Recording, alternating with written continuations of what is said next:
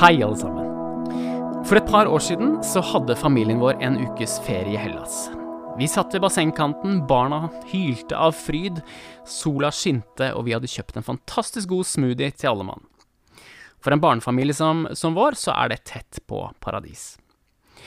Men hadde vi reist bare fire-fem mil mot øst, så hadde vi kunnet se desperate flyktninger som kjempa for livet i sin flukt over havet mot Europa. Noen klarte seg, men mange døde. Og med bølgene kunne man se lik av voksne og barn slå mot land. Nå vet vi også at mange av de som kom seg til Europa, senere ble utsatt for trafficking og sexslaveri. Verden er så god, og samtidig så ond. Og man må ikke dra til Hellas for å se det. Veldig ofte så har vi gode dager, vi har gode venner, fine naturopplevelser og meningsfulle dager. Men ikke rent sjeldent så er det trøbbel i vårt paradis også. Sinne og egoisme river oss. Ord som aldri skulle ha blitt sagt, ødelegger dagene. Uro og sammenligning, tanker vi skulle ønske vi aldri hadde tenkt, blander seg med ønskebærer om å leve for Jesus, og så koker det på innsida, det rives og slites i oss, og så kjennes det ut som vi står i en strid.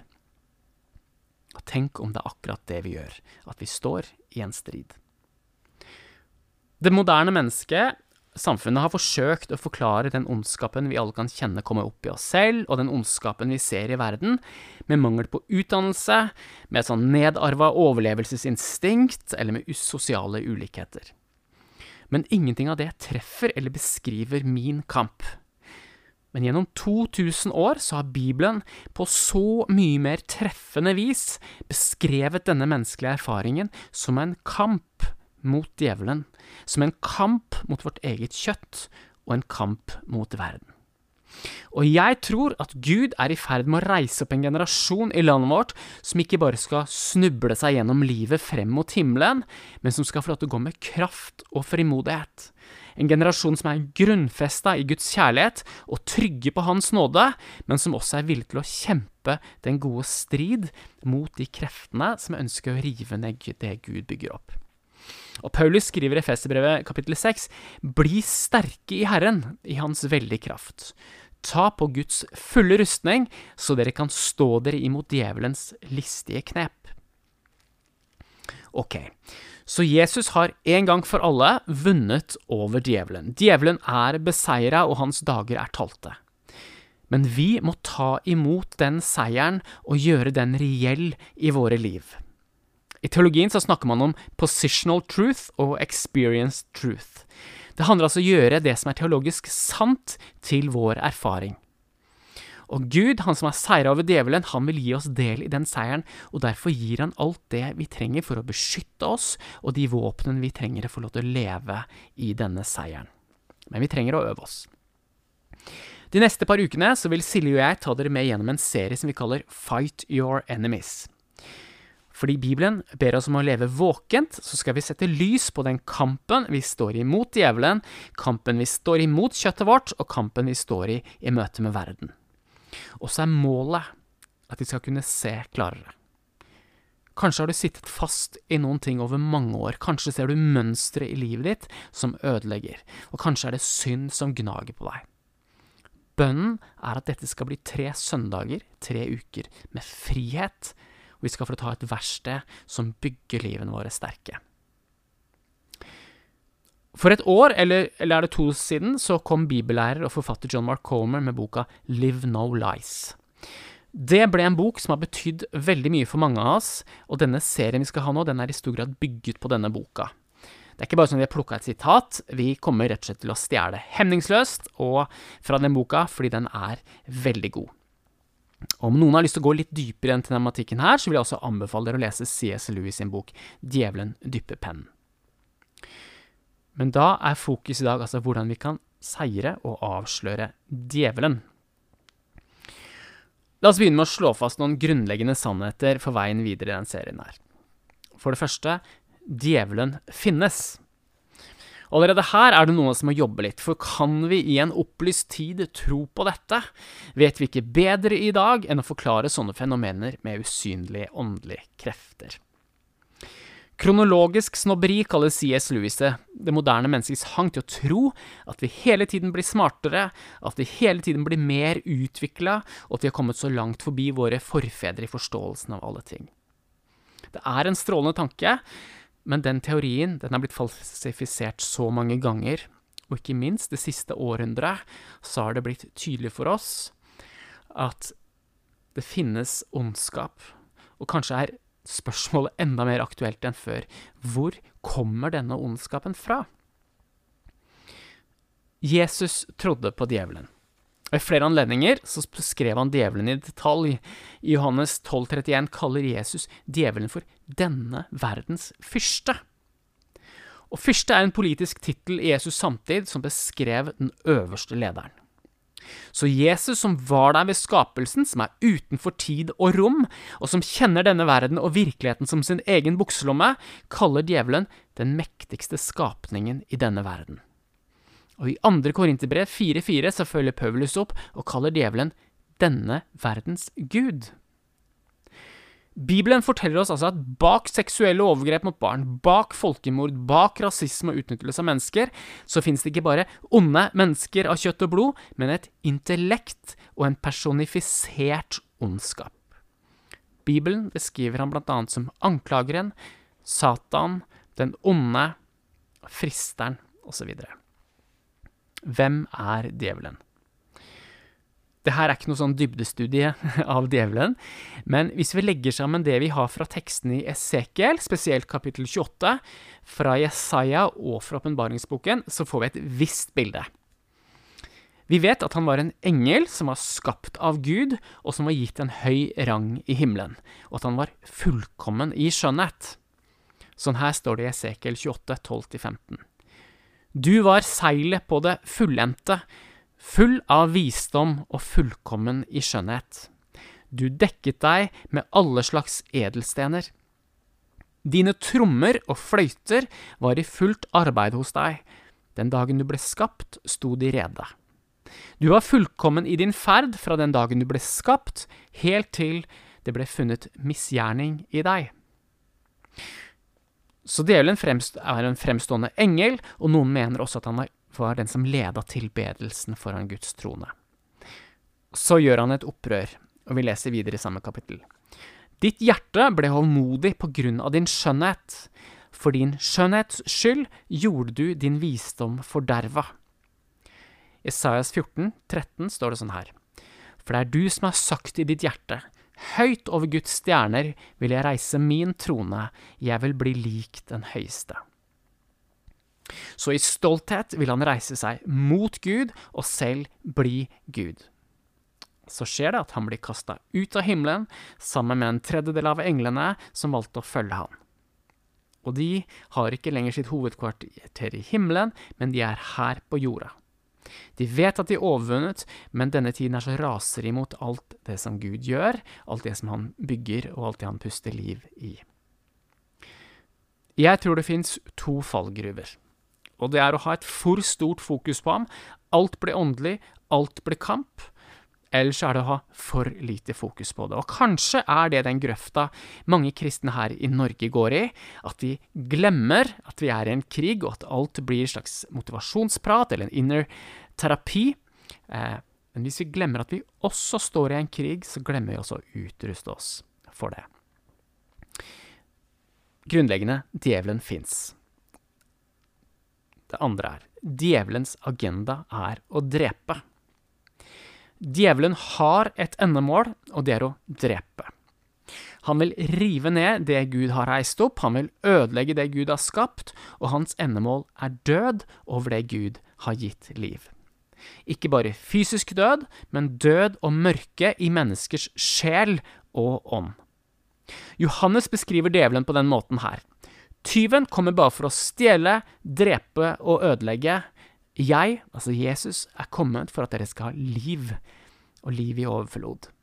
Djevelen vil drepe, Jesus kommer for å gi liv. Peter skriver i sitt brev kapittel 5 vers 8.: Vær edru og våk. Deres motstander djevelen går omkring som en brølende løve og søker noen han kan oppsluke. Stå ham imot faste i troen.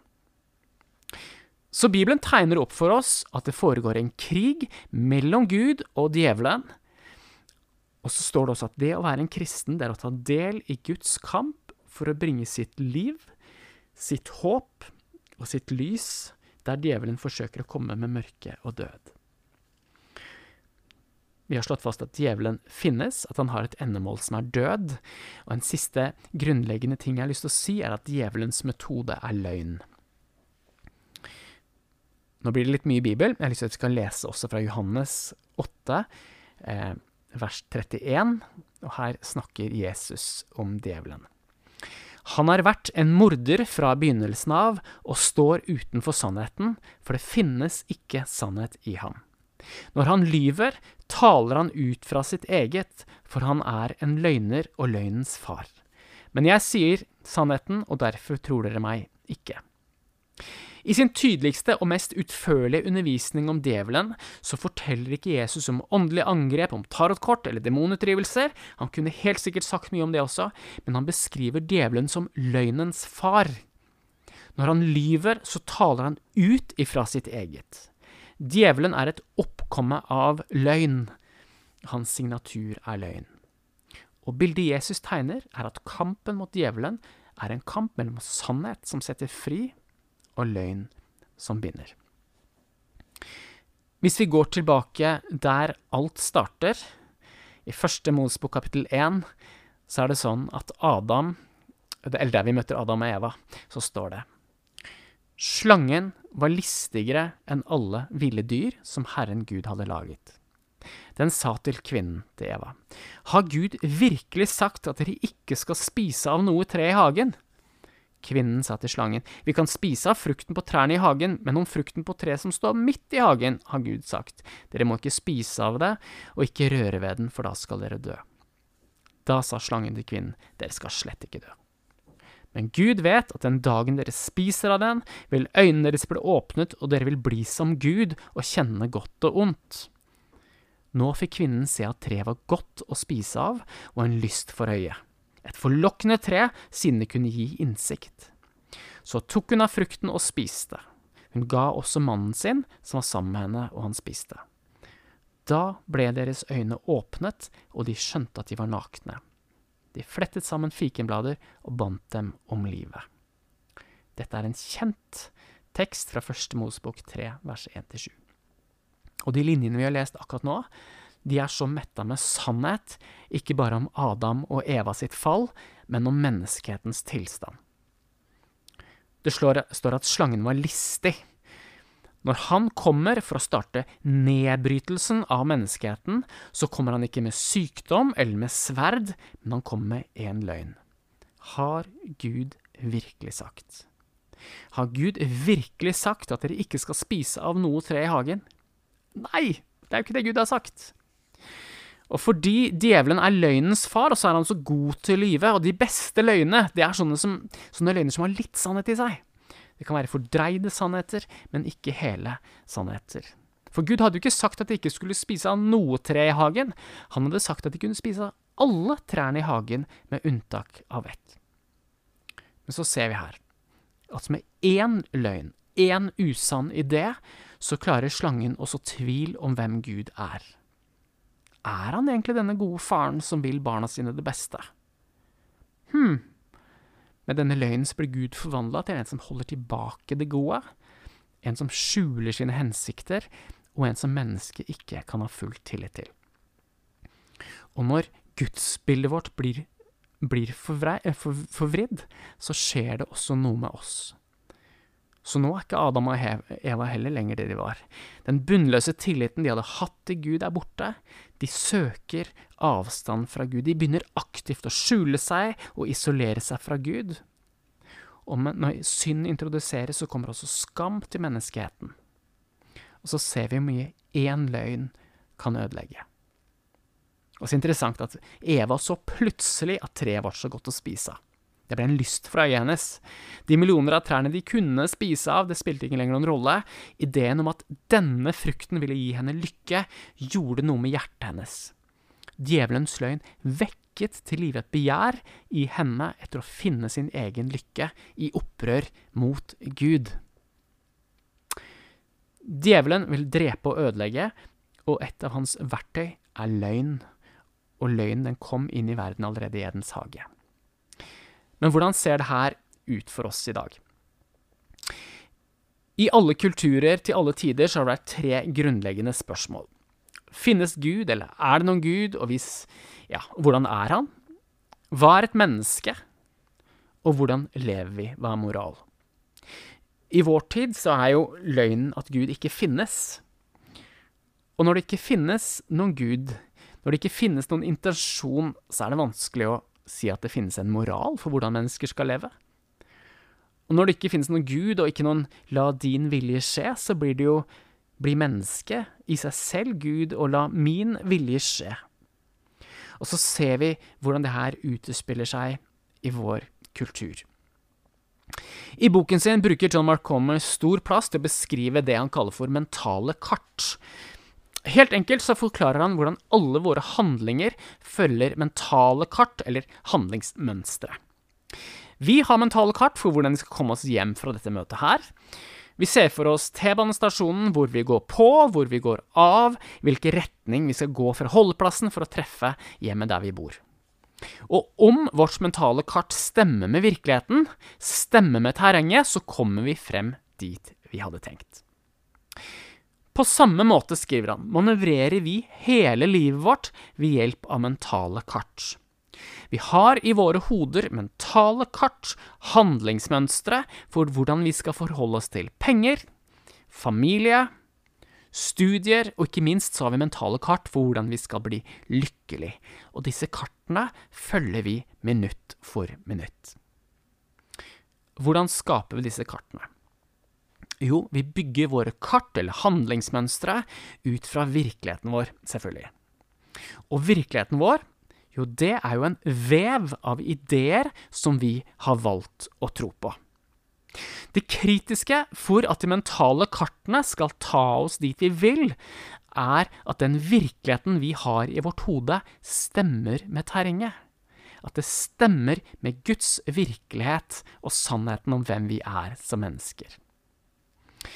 Vever vi oss en virkelighet i tråd med Guds sannhet, Eh, med sannheten om at vi, er skapt i hans bilde, at vi har evig verdi, at ærlighet lønner seg, at Gud forsørger oss, at livet er evig, osv., så, videre, så kan vi lage mentale kart som stemmer med virkeligheten, og som kan ta oss frem dit vi skal. Om vi bytter sannhet med løgn, Løgn om at eh, livet ikke er evig, men at det er bare det vi ser her og nå. At mennesket har sin verdi i det de gjør, i det de yter. Eh, at kjønn, ekteskap, pakt, at dette er bare gammeldagse holdninger som vi må kaste på historiens skraphaug. Så lager vi kart som ikke stemmer med Guds intensjon og hva han har skapt oss til. Og så bommer vi. Og i stedet for et liv i overflod, fred med Gud, så vil det vi tror er veien til lykke, bli veien til tap. Og det er her djevelen kommer inn i bildet. For om han bare kan få sådd inn noen løgner i vår virkelighet, så vet han at vi vil lage kart som tar oss på feil sted. Og om han får sådd inn løgner om at f.eks. penger er veien til lykke, eh, at frihet er å få alt du vil ha, eller at litt synd er ok, vet du hva, da trenger ikke han sånn spesialoppfølging av deg. Løgnen vi bygger livet vårt på, vil skape liv som fører oss til død. Vi vil selv føre oss selv vill. Det er derfor Jesus kaller djevelen en fyrste. Henger vi med? Hvilke ideer vi tror, bestemmer om vi treffer eller bommer med våre mentale kart og våre handlinger enten, leder enten til liv eller død. Hvis vi skal ta det ett skritt videre Det vi tror på, former ikke bare hvilke valg vi tar, men også hva vi skaper. En kjent forfatter som heter Yuval Hariris, best, eh, hans bestselgende bok Sapiens, hevder at grunnen til at mennesket, grunnen til at Homo sapiens vant å regjere på jorda, er at mennesket har evnen til å visualisere ideer, visualisere det som enda ikke fins. Vi har altså en egenskap, en evne til å se for oss noe som enda ikke eksisterer, og forholde oss til ting som ikke eksisterer. Harari er ikke en kristen og deler verken verdensbildet hans eller forståelsen av mennesket, men han peker på noe enormt kraftfullt. For, for, for ved å se for oss noe som ikke er, så kan vi skape det vi ser. Ved å se for oss en rykende varm hvetebolle, f.eks., så kan vi sette kroppen i sving og skape det vi visualiserer oss, og spise en varm hvetebolle et par timer senere. Ved ikke bare visualisere ideer, men å skape disse ideene, så har mennesker bygga hus og byer og konsern, vi har skrevet bøker, musikk og design og klær. Dette er en Guds gave, vi er skapt i hans bilde som skapere. Men dette her er også vår akilleshæl. For vi kan tro og visualisere ideer som er i tråd med Guds godhet og Guds karakter, men vi kan også visualisere og skape ting som ikke stemmer med Guds gode intensjon. Hvis vi for eksempel tror at noen mennesker er mer verdt enn andre, hvis det er tanker som fyller hodet vårt, så skaper vi apartheid. Hvis vi tror at mennesker bare er litt sånn høyt utvikla dyr, så kan man begynne å leve på en måte som underbygger den ideen.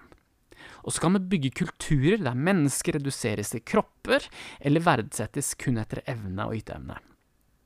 Og mye verre, om man tror at man ikke er elsket, at man er umulig å elske, så kan man begynne å leve et liv der denne løgnen tar, tar bolig i oss, og så gjør det noe med hvem vi blir. Og på den måten så har djevelen også så mye makt over hvem vi utvikler oss til å bli i møte med ondskap. Ta for eksempel Taliban som herja i, i, Afghanistan. Så er det veldig lett å avfeie det som mangel på kunnskap og råe hjerter. Når vi ser de herje, torturere, drepe, så er det lett å bare totalt avfeie det som skruppelløse handlinger. Men menneskets problem er jo ikke bare at vi synder, men at vi vil synde. Disse gutta her med skjegg handler Det er ikke sånn at de bare gjør ondskap, men de handler på en løgn. De tror det de gjør, er bra. De tror på en demonisk løgn om at de ærer Muhammed med sitt liv, at de bygger noe som ærer Gud. Så i deres virkelighet så gir det mening. Noen ganger så er det ikke løgner som bare enkeltmennesker tror på, men hele samfunn begynner å tro på gifte løgner. Ta Tyskland på 30-tallet, for eksempel. Dette var et kulturelt sentrum innen musikk, kunst, litteratur. Tyskland var det landet vi i Norge sendte våre studenter til for å lære naturvitenskap og, og litteratur osv. Men sakte, men sikkert så sås det i noen løgner gjennom 30-tallet som stadig flere omfavna. Og så vet jeg at noen år ned gata så står kultiverte mennesker med god utdannelse og gasser i hjel millioner av jøder og bygger opp eh, store ovner hvor de, hvor de, bærer lik til egne krematorier. Det var én løgn som fikk feste seg i en kultur. Og der den løgnen fyller tankene våre, og vi begynner å visualisere, så kan også mennesket skape de mest destruktive ting. Det er lett å se løgnen i andre kulturer og andre mennesker. Det er lett å se den anorektiske jenta som tror hun er tykk, mens alle andre kan se at hun er tynn.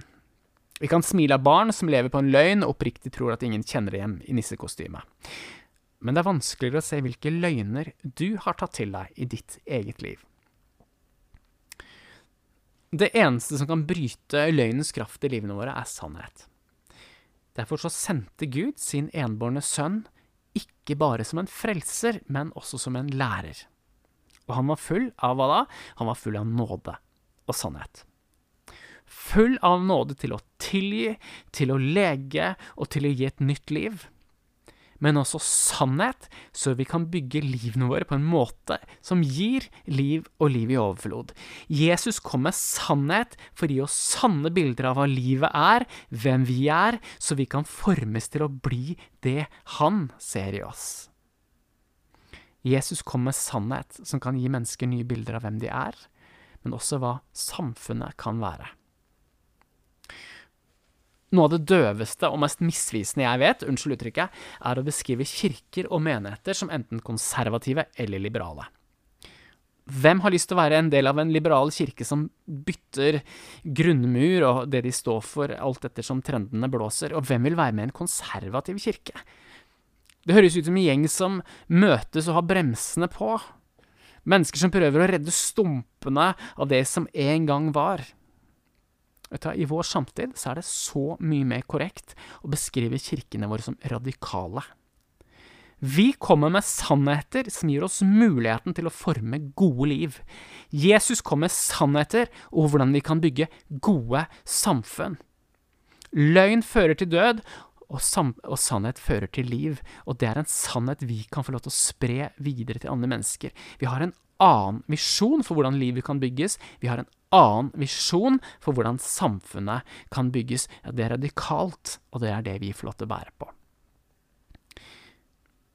I Romerne 12,2 så skriver Paulus, og jeg tror han skriver med et varmt hjerte, Innrett dere ikke etter den nåværende verden, men la dere forvandle ved at sinnet fornyes, så dere kan dømme om hva som er Guds vilje, det gode, det som er til glede for Gud, det fullkomne. Hvilke løgner opererer hjertet ditt?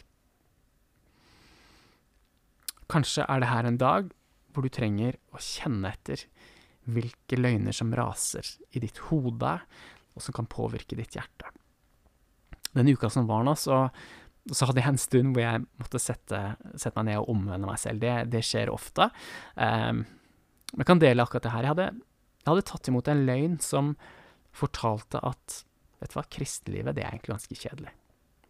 Om jeg virkelig skal ha det gøy i livet mitt, så må jeg spice det opp med ting litt utafor Guds rike. Det var ikke at jeg så for meg å kaste meg ut i voldsom synd, men, men, det var akkurat sånn, vet du hva, livet med Gud, det er litt kjedelig. Men så bare komme på en sang som er, eh, som er en oversettelse også en parafrase av Bibelen, som er The kingdom of God is a party. Vet du, hva, Guds rike er jo en fest. Det er ikke bare at vi kan tro på ham, men vi kan ha, kan ha, kontakt med Gud. Og den dagen så gikk jeg, eller den kvelden så gikk jeg ut, og så løfta jeg blikket og så stjernehimmelen foran meg. tenkte jeg, vet du Gud får jeg lov til å ha kontakt med. Vet du, Det er et eventyr. Det er en fest. Og så måtte jeg omvende meg fra den døve tanken om at kristne liv er kjedelig. Å ta Gud og følge deg, vet du, det er faktisk en fest. Å kunne våkne om morgenen og ha kontakt med Han som skapte verden. Det er ikke til å tro, egentlig.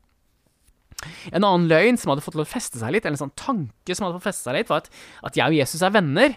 Eh, og det er jo helt rett, og det er viktig for meg, og det, det, snakker jeg ofte om. Men det er også sånn at man kan bli litt for mye venner. For når man har eh, andre menneskelige venner, så er det jo sånn at hvis man er uenig om noe, så, så fins det en gyllen middelvei. Eh, hvis én tenker sånn, og en annen tenker sånn, så prøver man å, man å finne en måte å leve godt sammen med det. Men vet du hva? Gud er ikke en helt vanlig venn.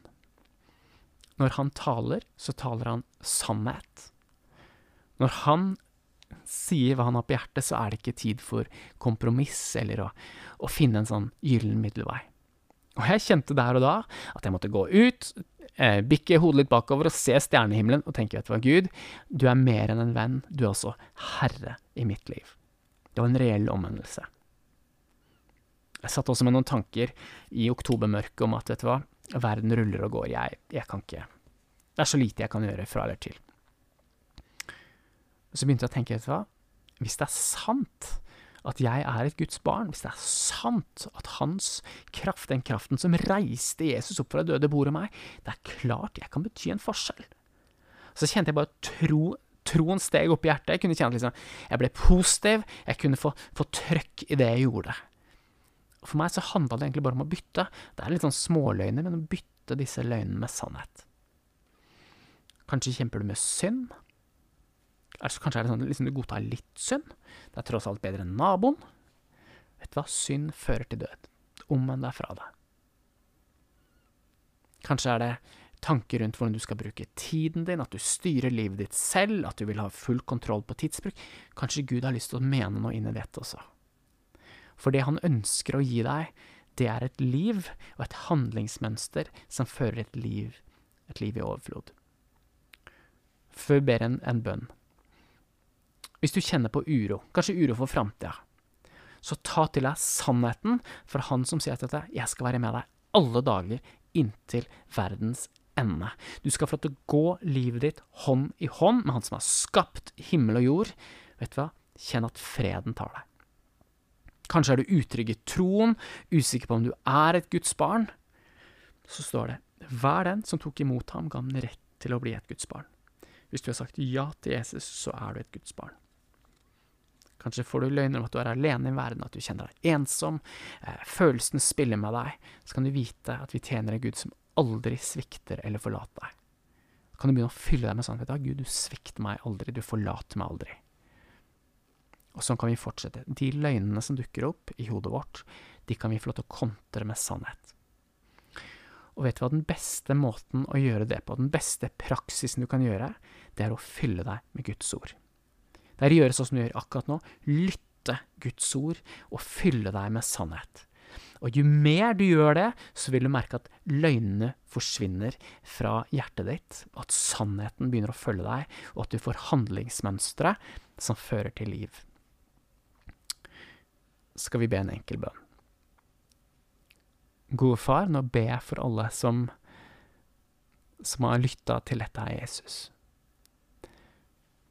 Jeg ber om at vi ikke bare skal avsløre djevelen sine grep, men at vi skal få lov til å seire over han. At vi akkurat nå skal få lov til å gjenkjenne løgner som skaper så mye vondt i livet vårt, og tørre å ta til oss dine sannheter og sette denne sannheten over løgn. Jeg ber om din velsignelse over hver enkelt. I Jesu navn. Amen. Du har hørt en podkast fra Imekirken Kollektivet. Følg oss gjerne i sosiale medier for inspirasjon i hverdagen.